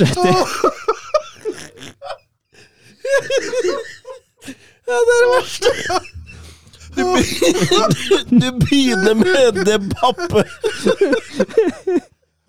Oi, oi, oi. ja. Nei, han hadde skal jeg komme over. Han er forbanna. Nei, han, eh, han hadde en slow start, men jeg syns han eh, Når han først kommer i gang, spiller han en eh, fantastisk kamp. Og så spiller han så lenge kreftene holder. Ja. Å, gud bedre. Det var fin, Døfker. Jeg trengte Det var lenge siden jeg ledd så hardt, faktisk. Det var helt nydelig. Trenger å glaske meg sjøl i ansiktet for å komme over det der. Og begynne med det bappå! Og avslutte med at han Han var på banen nesten.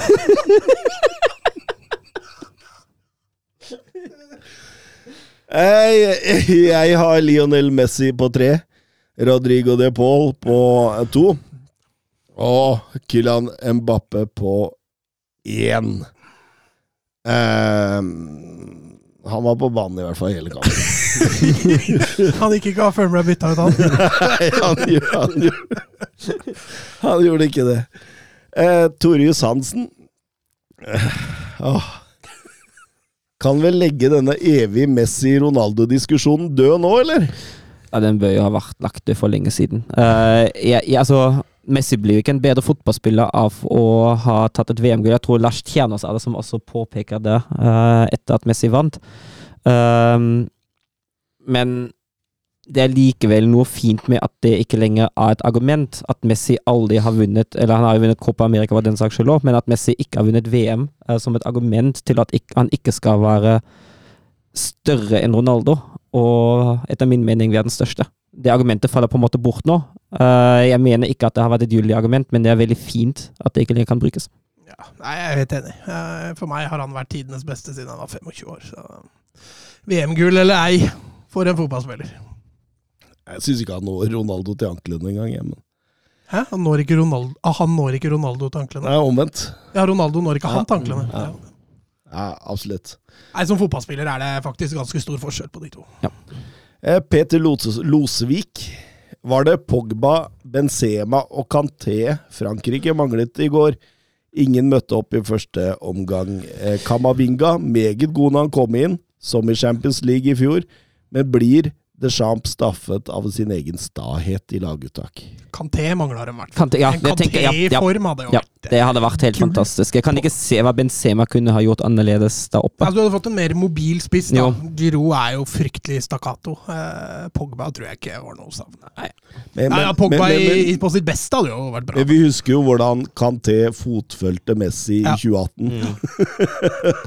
den, den kunne ha gitt litt en Kanté i form. Ja, altså er det jo en spiller som altså, problem, Et av store problemene til Frankrike var jo det rommet sentralt, og det er jo en spiller som i hvert fall dekka voldsomt med rom sentralt. Mm. Og så er det jo klart det, De hadde mange skader ellers òg, både før og under i turneringen. Eh, Peter nevner jo noen som burde vært med her, men eh, Nkunku mangla jo. Kim Pembe mangla jo. Lucas Hernandez, eh, som ble skada tidlig i mesterskapet, som vi snakka om, var jo også en blow. Og så var det jo dette med sykdom og virus og Det, det, det, det, det er jo Men, men, men Deschamps, da. Hvorfor lar han Rabiot spille så lenge? Hvorfor justerer han ikke midten tidligere? Hvorfor er en virus, altså virussjuk Opamecano eh, inne i laget istedenfor en Konaté som var BB i semifinalen? Nei, Det kan man jo lure på, men jeg syns jo under, hele sin managerperiode har Deschaux i anførselstegn utmerket seg gjennom sin konsert, konserta, Konservativitet. takk, konservativitet. Uh, og sin altfor stor tro uh, til spillerne som han har hatt med lenge. Mm. Uh, det, det er litt sånn det samme som Jogi Løv gjorde med, med gutta han vant 2014-VM med. De holdt den også fast på for altfor lenge. Så Mm. gikk det som det gikk.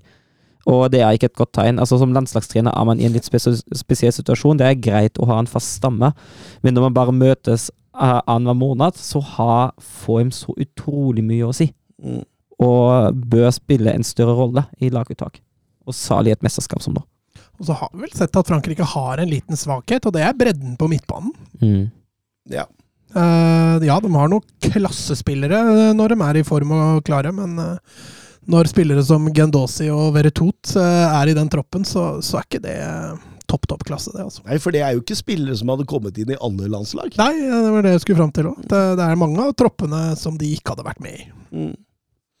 Vebjørn Fredheim. Eh, Enzo Fernandes kåret til turneringens unge spiller. Thomas, du har jo snakket lenge om han før Benfica-overgangen, til og med. Er du overrasket? Eh, jeg, jeg, jeg er kanskje overrasket for at han tok nivået så ekstremt fort. Det er jo bare ett og et halvt år siden han var på utlån i, i Defensia Justisa. Eh, under Hernan Crespo, faktisk, som trener der. Eh, og, og var egentlig aldri noe fast starter for dem.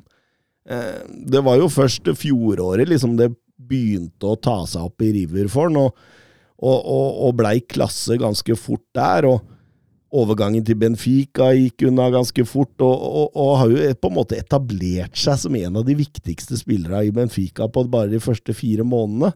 Eh, leverer klasse både i ligaen også på, på landslag og i Champions League, så eh, man, man kunne jo se at det var noe spesielt, at han hadde en sånn egen ro også når han spilte i River. at det, at det, liksom, at det er et internasjonalt snitt i det han gjør, da. Eh, han er liksom ganske anvendelig, selv om han ofte ligger dyp, så ser man også klasse når han går framover. At han har den der roa, den pasnings... Altså, ja. Det er et eller annet som bare Du bare du, du, oser litt sånn eh, Sabi Alonso-ro. Og en pasningsfot og Nei, nei eh. Man skal ha skryt Scaloni òg, for å dytte den inn i kamp to, og aldri ta den ut igjen. mm, For det er en spiller som fort, fortsatt kunne vært rullert, og da tror jeg Argentina hadde tapt veldig på. mm. Så tenker jeg at han fortsatt har godt av et par år i Benfica. Men jeg tror ikke det kommer til å skje. Det er noen store, stygge ulver som allerede er på, På ballen. på, på ballen der. eh, Men hvis jeg hadde vært han, jeg ville ikke stressa. Er sikkert dritkult å oppleve det som skjer med, med Benfica for tida. Jørgen Nystuen. Kamavinga, Shuameni, Alvarez, Fernandes. Mange spillere i VM-finalen jeg først hørte om i 90 minutter. Dere skal ikke utvide geskjeften og starte opp 90 minutter agentbyrå. Jeg hørte det er mye penger der. Tror Mokoko trenger ny agent. Moriba burde hatt en ny agent. Vi hadde vært tre agenter som hadde utfylt hverandre ganske bra. Ja. Hvem tenker penger, og hvem tenker utvikling? Altså Sørens mer sånn økonomiske, fair-spillende Man strekker regelverket, men, men holder seg alltid innafor. Sånn Jorge Mendes-type. Og så har du Mats, da, den mer kontroversielle og sleivkjefta fyren som eh, sier det han tenker. Altså en Jonathan Barnett. og så Thomas, da. Som skyter fra hofta og, og vil ha fortgang i alt og bare se millionene trille inn. Altså en Mino Royola. Hadde vært gjengen sin, det! Det hadde vært uh, Ja. Tror vi hadde hatt stålkontroll, jeg. Hva skal det hete? Ja, 90 minutter agentbyrå? Ja, det måtte vært det. 90 min agency? Ja, ja. Så måtte han, han måtte styrt seg liksom, av alt sånn praktiske. Mm. Ja, Så- men det er helt greit. Men jeg tror vi må måke bilen sjøl, da. Det tror jeg kan han gidder. Fikk jo, jeg er jo her, jeg. Det er en god idé, Jørgen. Absolutt. Um, da skal vi gå over til uh, noen spørsmål som ikke nødvendigvis omhandler eh, finalen. Ja. Um, Tønna. Tror dere lagene som har hatt spillere med i et langt VM, er svekket? Eller har de bare spilt seg i bedre form? Jeg tenker det er en svekkelse. Um, man ser det jo ofte også etter mesterskap om sommeren. Uh, at storlaget som hadde mange spillere, kanskje bruker litt mer tid til å komme i gang i høsten pga. oppkjøringen. Vi har jo vært litt inne på det i en tidligere episode, at lag som har hatt 15-16-17 spillere i mesterskapet, har ikke kunnet trene ordentlig en gang, mens andre lag som kanskje mangler én, to eller tre, eller ingen for den saks skyld, uh, har kunnet kjørt et eget treningsopplegg. Uh, spillere har De som har vært med helt til slutt nå, har til dels sju kamper med i beina. Uh, de uh, Noen kan ha vært skada. det kan også ha en, eh, en psykologisk effekt, at man har jobbet fram til dette mesterskapet ganske lenge. Eh, og nå er det over, og målet er på en måte nådd i mesterskapet. Eh, og at spenningen forsvinner litt ut, at man slekker 5-6 prosentpoeng. Eh, det kan være en ulempe, så ja, nei, jeg tenker egentlig at det, at det ikke er noe bra å ha mange spillere lenge med. Jeg blir glad for å være Wolfsburg-spiller som kom hjem tidlig. Jeg tenker også det er svekkelse, men, men på litt annen måte. Fordi jeg tror Altså Gitt at de gutta får den uka med hvile de må ha, da, ikke går rett i boksing day eh, et par dager etterpå. Men jeg tror at du brenner ut mye kjappere. At eh, allerede fra mars-april så er du, som Søren sier, så er du mett. Og da blir jo sesonginnspurten, så kan det hende du fremstår ganske sliten. Du så jo Salah etter Afrikamesterskapet. Mm. han, ikke, han har vel nesten ikke vært seg sjøl etter det etter et par uker etter han kom hjem derfra, så jeg tror også det at i hvert fall de gutta som holdt på lenge, og som skal spille i de største ligaene når de kommer tilbake igjen, tror jeg fort kan brenne ut litt kjapt eh, denne sesongen. Men, men, men vil det ikke være ganske individuelt, da, i forhold til hvor mye kampbelastning man tåler, og, og skadehistorikk og så. Jeg, jeg tenker eksempel på Kylian Mbappe, da, som løper i 100 km, 120 km i timen i det 180. minuttet i VM-finalen der. Altså, det, det, For en sånn spiller spiller det noen rolle fysisk? Jeg tror ikke det, altså. Men, Nei, ikke, ikke for en sånn en, men altså han, men, men, ja, men ikke sant, men det er det jeg mener med individuelt. da, Mens for kanskje en Varan, da, som så ut som en, han var 80 år mot slutten der da, før han ble bytta ut. At eh, Med den skadehistorikken og sånt han har. Så. Jeg føler kanskje at Mbappe har mer unntak enn regelen, da. Ja, jo, jo, men eh, la oss si Enzo Fernandes, da, for eksempel. Så tror jeg også så, For sånne unge spillere, da, på en måte altså, Det er ikke så jævlig Dere snakker om sju kamper på måneds tid. Altså, det er ikke så lenge siden Liverpool spilte sju på 21, var det ikke det? Klopp sto og reiv seg i håret der. Det, Jo, men det, det blir jo det blir jo allikevel vanskelig å sammenligne da, en klubbfotball og landslagsfotball. Eh, ta de argentinske spillerne da, som nå har fått en utladning med å vinne VM, mens de franske har fått en utladning med å tape VM. Eh, jeg tror det blir en påvirkning på flere enn det det ikke blir. mm. Ja, ja. Altså, det er jo Jo, jo. sånn som du sier, det er, no, det er noen som kommer til å fullføre med stil. Eh, For de har fysikken, de har mentaliteten. Og så er det noen som kommer til å brenne seg tidlig, og noen kommer til å brenne seg seint. Og så føler jeg også at klubbene eh, Ja, det kan være ganske drepende kampprogram der òg, men klubbene er bedre til å rullere enn landslag er i store turneringer. Ja, det blir spennende å se. Jeg tror ikke Alvarez går rett inn i den City-elveren når han Mm, kommer tilbake. igjen. Ja, det er nok en eh, nordmann som har hvilt seg i Ja, så du videoen? Så du den videoen som kom? Mm. Den var fin. Det var fint. Haaland som kjeda seg og venta, på lagkompisene. Geir Halvor Kleiva. Hvilken klubb og hvilken spiller kommer til å bli mesterskapets Real Madrid og James Rodriguez floppovergang? Ja, du hadde jo han eh, Hva het han igjen? da? Han i Marokko. Han som uh, blomstra litt. Unai? Ja! Stemmer det. Uh, han, eh, han, var, han var fiffig. Mm. Men, det, men, men likevel, da, om, om, om, han hentes Altså, et, altså En storovergang Nei, han ble jo ikke en mil, mange millioner, nei. Altså, altså Det er sånn, veldig vanskelig å si, fordi de spillerne som på en måte har skint i dette VM-et, da det er, det, er, det er veldig vanskelig å hente de ut fra sine klubber. Mm. Ja, og Ja, og så altså, så er det jo altså, de som har altså, føler jeg at veldig mange av de som har skint, det er spillere som man veit har en høy, høy kvalitet. Som har bevist sin klasse. mm, Uh, Amrabato. Men han er kanskje ikke helt i den samme som uh, James Rodriguez, for han var vel litt ung når han uh, gikk. er det noen sjanse for at uh, Premier League-klubb henter Rabiot eller noe sånt? må være Manchester United. Eh, Ja, men de har prøvd. De har prøvd, ja. Nei, jeg veit ikke. Kanskje hat tricket til Gonzalo Ramos gjorde at eh, Perez får litt ekstra fyr i, i pedalen og drømmen om en ny portugisisk æra, og, og, og klinker inn han på nierplassen der når eh, Benzema Ja. Det, Gonzalo Ramos er nok et eh, godt eh, et tips, men han glimta jo bare til i den ene matchen omtrent. Altså, James Rodriguez var vel brukbar i hele mesterskapet så lenge Colombia var med. Alex Bjørkan. Hvor høyt oppe har dere Modric på lista over midtbanespillere dere har sett? Å, veldig høyt. Uh, jeg syns det er Modric er jo jeg, Det er jeg, jeg, vanskelig å rangere. Det er vanskelig å rangere, men jeg digger Luka Modric. Uh, jeg syns Modric er en fantastisk fotballspiller å se. Eh, når jeg skal se Real Madrid, gleder jeg meg alltid litt ekstra til å se Luka Modric. Uh, jeg digger den, uh, den elegansen, den lettbeintheten, men likevel den innsatsen han viser kamp etter kamp etter kamp. Det er en komplett midtbanespiller. Det er en midtbanespiller som med 37 år fortsatt er helt, helt der oppe på absolutt toppnivå internasjonalt, og har vært det i lang, lang tid. Er han topp tre? over de jeg har sett noensinne. Det kommer litt an på hvordan du definerer midtbanespillere òg, da. Ja, men av alle midtbanespillere du, du liker og syns er bra. Åh, så vanskelig, det er så vanskelig. Topp top fem han i hvert fall, kanskje han til og med topp tre. Kan- Men altså, Xavi Eh, Iniesta er jo én og to, da. Ja, ja, og så tenker jeg jo Altså- at Zidane bør ligge ganske høyt oppe der. Ja, men han Altså, jeg er jo litt, eh, er litt yngre. Jeg, jeg husker ham litt, men jeg husker ham fra den tida da han allerede begynte å dra litt på åra. Ja.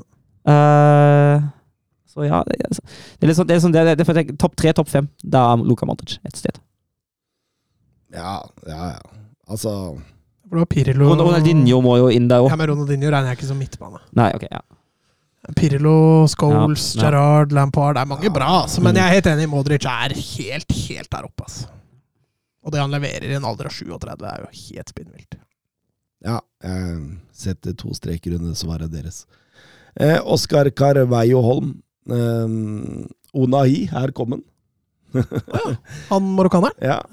Blei dette, ble dette mesterskapets Karel Poborski, Florin Radutsjoj eller Patrick Berger, om du vil.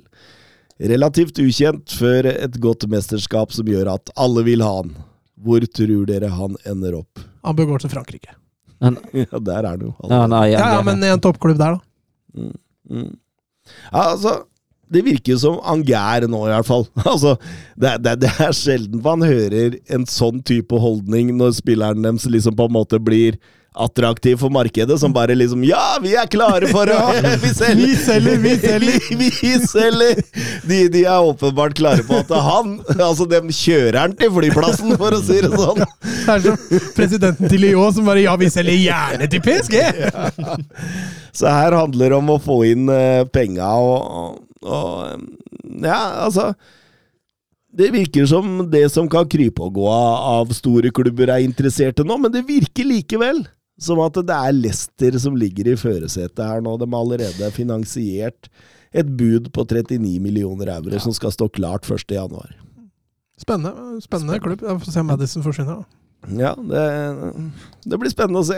Ellers har også AC Milan og Inter vært en av de lagene som har hivd seg mest på i forhold til han. Eh, Fredrik Konradsen.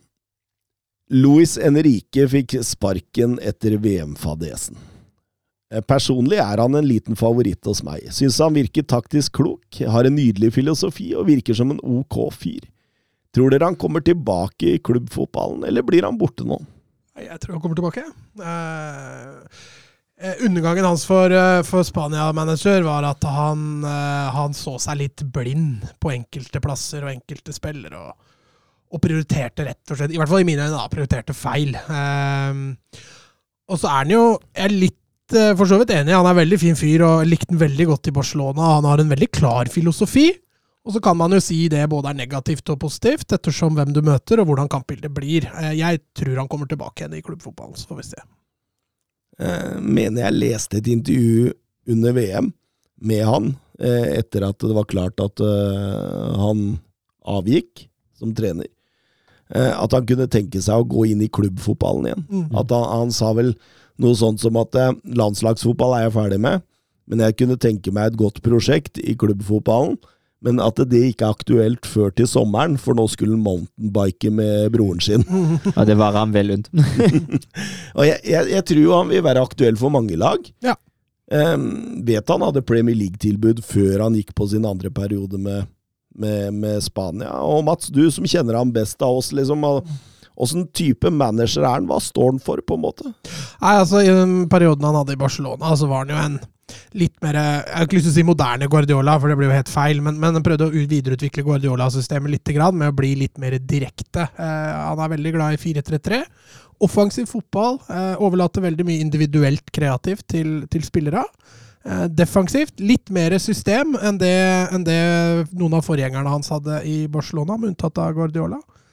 Eh, og så virker han som en litt sånn spillernes trener. da. Eh, godt likt av mange av spillere. På den annen side havner du på feil side på Luis Henrique sin liste, så tror jeg det er ubehagelig å ha med å gjøre. Sånn som en tidligere assistenttrener. For eksempel eh, Moreno. Eh, han hadde vel også, jeg husker ikke hvem det var, men det var en i Barcelona som spiller som eh, Han havna på feil side, og da, da var det ikke noe vei tilbake. Kunne han passa inn Premier League-klubb?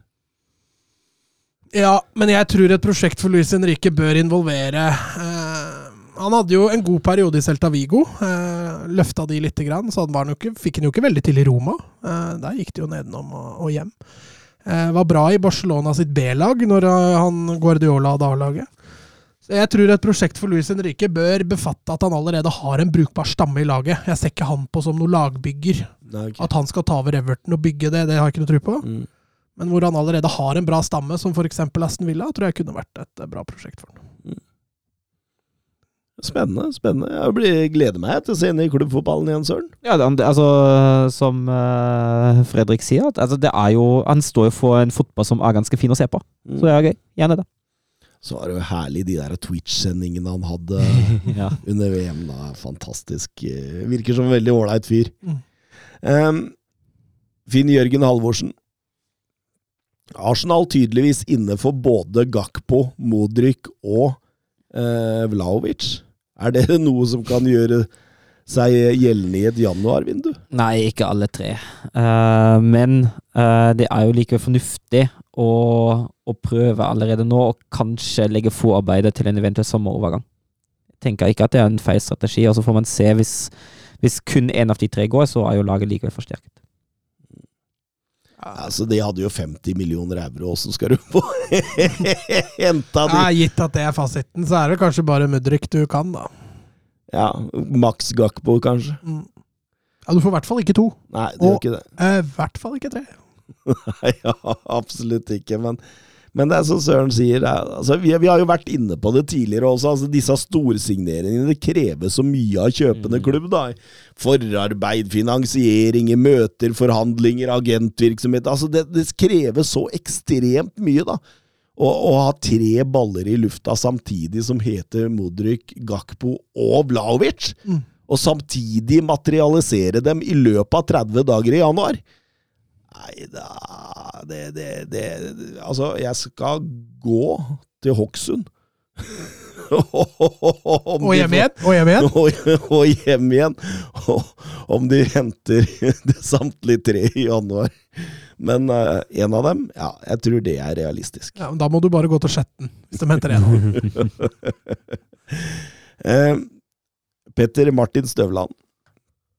Eh, tror dere man eh, kan skrinlegge Super League-planene en gang for alle nå? Er ikke så lenge Florentino Perez puster. Da tenker jeg, da tenker jeg den drømmen lever videre. Men at, eh, at sannsynligheten nå, Juventus er i ferd med å gå litt i oppløsning Da er det bare Barca og Real Madrid igjen da, i denne superligaen, og den ligaen har de jo allerede, er de allerede med i, så Ja, og nå, og nå kom det jo opp i EU-domstolen. Ja. Og ehm, det var en av ehm, Hva var det var? Generaladvokaten i EU-domstolen som sa det at eh, reglene til fotballorganisasjonen Uefa og Fifa som gir dem rett til å hindre klubber i å bli med i en opprørsliga og straffe spillere som gjør det, er i samsvar med EUs konkurranseregler. Altså, Med andre ord så sier han jo her da at eh, Uefa driver ikke urettferdig monopol og kan straffe lag og spillere som forsøker å bryte seg ut av dem. Mm.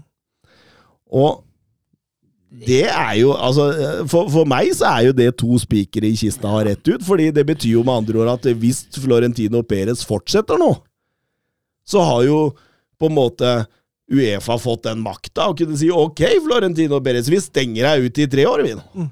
Du har ikke noe sjanse til dette superliga uansett, da, for da må du gjennom EU-domstolen, og der kommer du ikke gjennom. Ja. og ingen spillere gidder å spille for en sånn klubb. Nei. Hvis eh, faen at man blir Så, så, så, så, jeg, så jeg tror jo på en måte de knebler Florentino Perez og Agnelli og hele jævla gjengen, jeg nå. Og det, det er jo gode nyheter. ja, eh, noe superliga vil vi jo ikke ha, så det Nei, det blir spennende å se, altså. Det har vært moro å sette om Men det er jo som Mats sier, da. Florentino Perez er jo gæren nok til å fortsette dette greiene her, og da Han har jo noen advokater på sin side, han òg. Jakob Baran. Hva tenker dere om Khan Kairinens overgang fra LSK til Sparta Praha? Her går vi fra superleague til Tippelig. det, altså, jeg tenker jo at det kommer jo litt an på hvor mye man tjener på ham, men hvis man tjener, tjener en Er god han solgt? Ja, så godt som. De, ble, Ja, de har blitt enige om en overgang nå. Eh, Klubbene kom i RB i dag, og så må han jo gjennom eh, medisinsk test. Og Han var i. Praha nå, Han det, ja, ja. leste så det er ikke Ja. langt unna. Eh, sportslig har han aldri nådd opp til de forventningene vi hadde til ham etter Obos-sesongen. Uh, han har vært uh, på sitt beste god, men aldri veldig god over en lengre periode. Eh, jeg syns ikke det er et kjempetap sportslig, i hvert fall ikke hvis man får en god del penger tilbake. Uh, men det er klart, det må erstattes, og det midtbanen i LSK det begynner å se rimelig tynn ut, altså. Uh, så nå må, uh, nå må det jobbes litt med overganger og få folk inn, men altså, som sagt, en god deal der. Fint, gjerne det. Jeg leste jo på RB at det var snakk om et tosifra antall millioner, og det kan jo være alt fra 10 til 99 millioner, så Jeg tror det er nærmere tida. jeg tror det er- det er hakket nærmere tida når de sier at det, er, det kan gå mot tosifra, liksom, så tenker jeg 10-11-12 Ja, men millioner. det, det tenker jeg er en fin deal, da. Ja, men altså, potensialet til Kairin da, er jo ganske høyt. Jo. Hadde han hatt en makssesong, så hadde han vært verdt 40. For all del, men det, det, det tviler jeg sterkt på at han kommer til å ha. Jo, men I hvert fall i LSK, si. ja, Og så og så tenker jeg med tanke på at vi, vi henta han for to år siden for tre millioner. Og selger nå for eh, 10-11-12, det firedobbelte, uten at han egentlig har konstant overbevist i klubben i de to åra. Det er supert, det, altså. Da bør man ha en erstatter i, i bakhånd som Ja. er spennende. Altså Uba Charles har jeg hørt mye bra om, at Men han, han- eh, men han er jo fortsatt veldig uferdig. Ja, altså Han er en Matthew-type. Han er en defensiv en.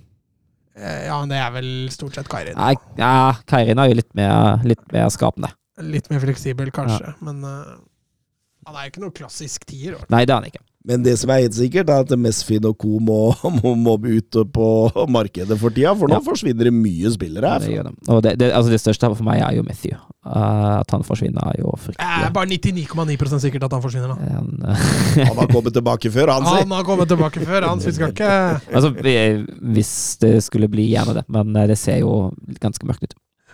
Ja, nei, Vi får også se hva som fortsetter da i denne 3-5 nei, 3-4-3-formasjonen. For de har jo nok spisser, egentlig. Men de, hvis Tobias Svendsen ikke kommer tilbake, trenger kantspiller. Trenger en backup til, eh, til Dragsnes. Ja, det trenger man jo. Man Trenger, trenger, trenger i hvert fall en stopper til. to midtbanespillere og i hvert fall en stopper, ja. Nei, det er litt uh, høler å tette, det. Siste spørsmål for kvelden. Tor Christian Stensrud. Som bortsett fra at Wolfsburg snart vinner Bundesliga og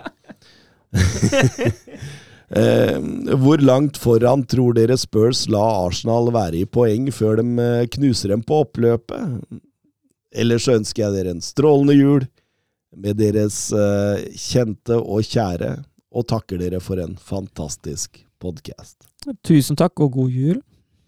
Nydelig, Mats. Eh, Wolfsburg-gull og Tottenham eh, knuser Arsenal på Oppløpet. Men er det da City foran, eller tar Tottenham gull også? Nei, da tar Tottenham gull. Tottenham tar gull. Altså, jeg, Så de går forbi City òg. tror jeg er større sjanse for at Tottenham tar gull enn at Wolfsburg gjør. Altså. Det har du nok 100 Ja, rett i. men det er ikke mye. kan umulig være mer enn et par centimeter. Eh, god jul til uh, Tor Christian Stensrud og alle våre lyttere. Vi Kjører en romjulspod. Ja, for vi skal vi innom Boxing Day og litt sånn, var det ikke snakk om det? Ja? Ja, hvis vi altså, å ta en uh, innspilling på dagen den 27. hadde Det var en rein Boxing Day. Men er ikke kamp 27 nå? Jo, det Jo, er både Chelsea og Manchester United skal i gang 27. Det er bedre å ta det 28.-29., da. Ja. Hva, hvorfor ler du, Søren? Er det planene dine ja, igjen? et sted der har jeg planer. Der, har- der har du noen planer. Hvilken dag er det du har planer? Det, det husker jeg ikke. Å oh, nei, ok. Så du må komme tilbake. Jeg må komme tilbake til det. Men altså, en romjulspod skal vi få til. Vi ja. får til en romjulspod. Vi gjør det. Boxing Day og litt transfers, tenker jeg. Det, det er fint, fint. Det er fint. Det er City den uh, City 28 nå, vet du. Torsdag 29., da går vi klar. Men da er jo, altså, da er jo La Liga City spiller ikke Boxing Day. De spiller så seint som Nei, De spiller ikke Boxing Day. De spiller eh, 28. Så de Så jo Boxing Day er litt sånn uh... Ja, det er bare sju kamper på Boxing Day. Jøss. Yes. Ja ja. Nei, vi, vi, vi lover i hvert fall en romjulspod. Ja.